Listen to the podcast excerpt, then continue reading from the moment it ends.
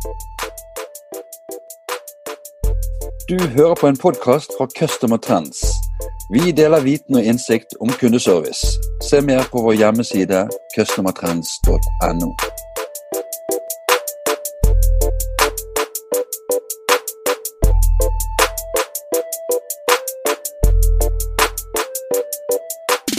Hei, og velkommen til en ny kundeservice-podkast. Mitt navn er Bjarte Lyssan fra Customer Trends. I dag skal vi snakke om bemanningsplanlegging, og vi har kalt eh, episoden 'Human bemanningsplanlegging'. Og så skal vi komme mer tilbake til hva vi legger i det begrepet. Men jeg er veldig glad for å ønske velkommen eh, dagens gjest. Emma Skyggebjerg, direktør for VFM i Puzzle. Velkommen, Emma. Ja, tack ska du ha. Hvordan står det til med deg i dag? Jo, det är bara fint. Skulle vi starte med at du fortalte litt om deg selv og om Puzzle VFM? Jag har eh, jobbat med IT och telekomlösningar sedan eh, 98 och eh, senaste 12 åren har jag jobbat just med workforce management eller bemanningsplanläggning och sedan eh, januari är jag då en del av Pussel. Ehm, pussel har ju ehm, ett workforce management system som man köpte i april i fjol. Och det köptes av ett brittiskt bolag som heter UWFM och Eh, det workforce management-verktyget är utvecklat av, av några av dem som, som var de första att utveckla ett kommersiellt bemanningssystem på marknaden. Jag kan berätta lite mer om, om, om just Pussel. Eh, det är ett eh, helt molnbaserat system, väldigt användarvänligt och också enkelt att implementera. Och sen innehåller det allt man, man kan förvänta sig av ett eh, workforce management-system, så det är både prognostisering och eh, det finns schemaläggning i systemet och även då rapportering De kan både titta på historisk rapportering och även då realtid. Och vi har just på V5-systemet så jobbar vi ju ganska, ganska många länder. Eh, men fokus är eh, definitivt på Norden och eh, även då UK. Och sen tittar vi lite grann på att expandera vidare till vissa utvalda länder i Europa också.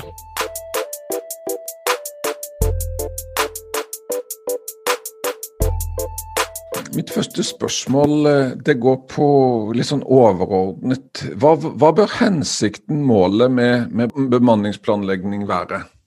Ja, alltså det handlar ju i det stora hela om att eh, schemalägga rätt person vid rätt plats vid rätt tillfälle med rätt kompetens.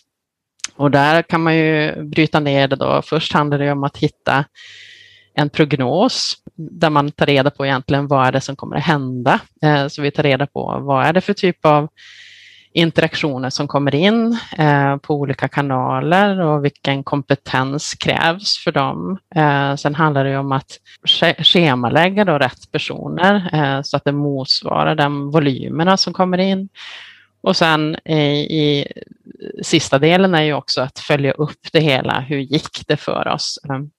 Och det kan man göra både om man tänker i realtid, att man ser hur följer personalen det schemat, men även då hitta i historiska rapporter och, och, följa upp och se till vad kan vi göra bättre imorgon mot det, vad, vad vi gjorde idag. Och hvis, och hvis det är någon som inte driver med bemanningsplanläggning eh, idag, vad, vad är argumentet för att, för att gå igång med, med VFM och bemanningsplanläggning? Så det finns ju många anledningar, eh, men först och främst är det ju att man får en förbättrad kundupplevelse. Eh, kunderna som ringer in får besvarat eh, de samtal eller e-post eller chatt eh, de kommer med. Så att man får svar på dem. Eh, men sen handlar det ju också om att eh, hitta lönsamhet naturligtvis, att man, man på lång sikt kan planera lite lönsamhet. Eh, och sen är det ju väldigt, väldigt svårt att sitta i ett Excel-ark och om man har många kanaler och en multiskill-miljö. Att kunna optimera i ett Excel-ark, det kommer du aldrig kunna göra. Så du kan aldrig säkerställa att du, du har eh, lagom nivå eh, på varje kompetens. Så det är ju det, det absolut mesta det ger då att se till att man, man säkerställer att man har nog med personal och därmed då kan leverera en bättre kundupplevelse, vilket kan göra en mer konkurrenskraftig gentemot konkurrenterna. Och sen den andra delen i hela, det är ju personalen då, att personalen får, får bättre schema baserat på, på rätt volym, kontakter som kommer in, att man inte får de här stressiga eh, perioderna och, och väldigt lugna perioderna med inget att göra, utan man får en lagom. Eh, och eh, man även då får möjlighet att kanske kunna påverka eh, sin arbetsdag. Jag var lite eh, nyfiken. Du nämnde dessa olika faserna. Kunde, kunde, vi, kunde du fortalt lite mer i detalj om eh, um, alltså dessa tre faserna? Om vi startar med, med prognoser, vad, vad är det för något? En prognos är ju egentligen att eh, förutspå vad som kommer att hända. Då. Det gör man ju utifrån historisk data.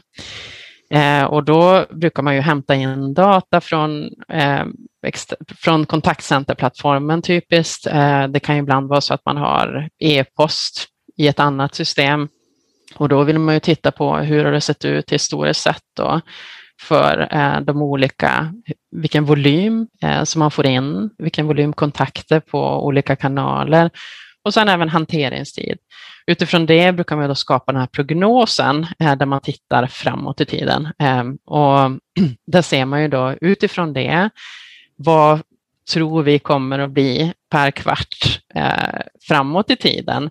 Och där brukar man också använda en beräkning av, av bemanning utifrån det.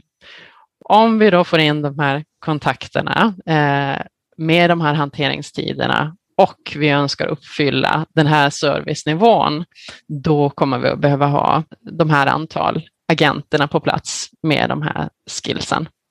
Så, så data om telefoni, det är värdefulla data man bör ta gott vara på? Mm, ja, absolut.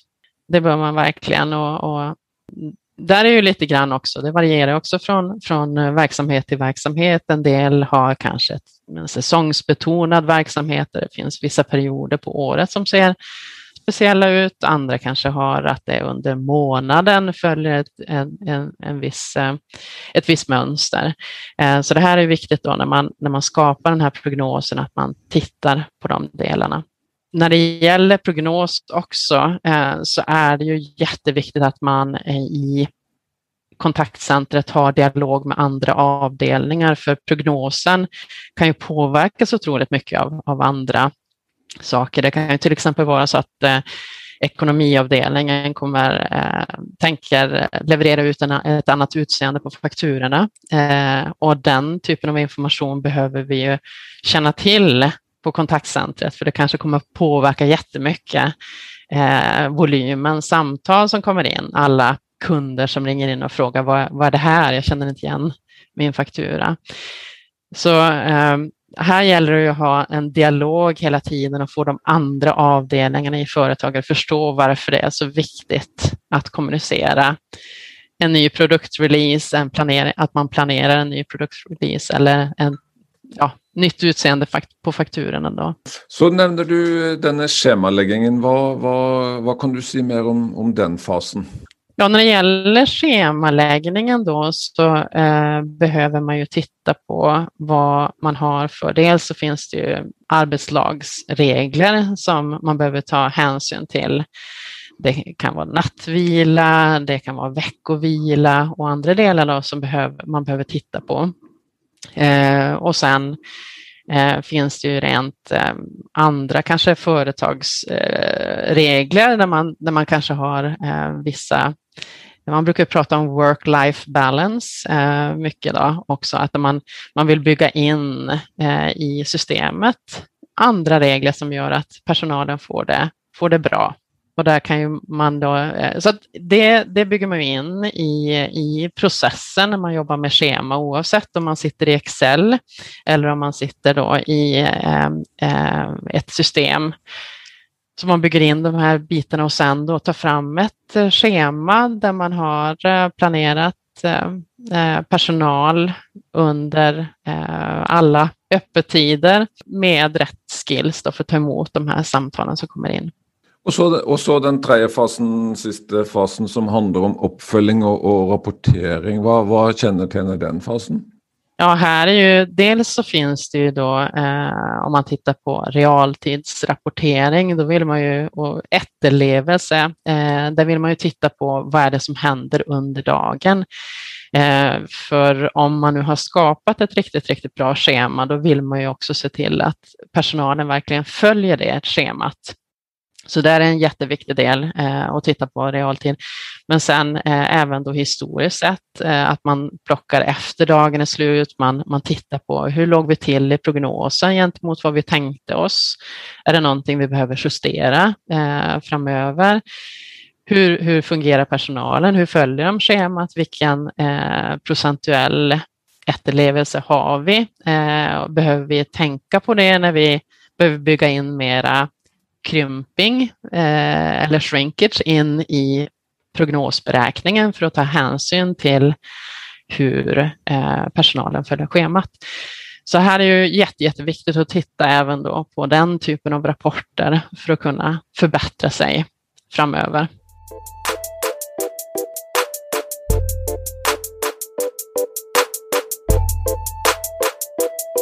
Emma, jag har um Eh, lyst til å høre deg eh, fortelle litt om god og dårlig bemanningsplanlegging. Hva, ehm, hva, tenker du om det?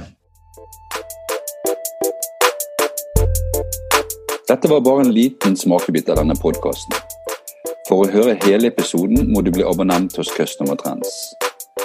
Som abonnent får du tilgang til viten og innsikt om kundeservice i form av podkaster med spennende gjester, artikler med aktuelle temaer og analyser hvor vi går i dybden i de sakene som er viktige for deg. Alt det vi har laget er tilgjengelig for deg når du måtte ønske. Vi fyller jevnlig på med nytt spennende innhold. Registrer deg som abonnent nå og få tilgang med det samme.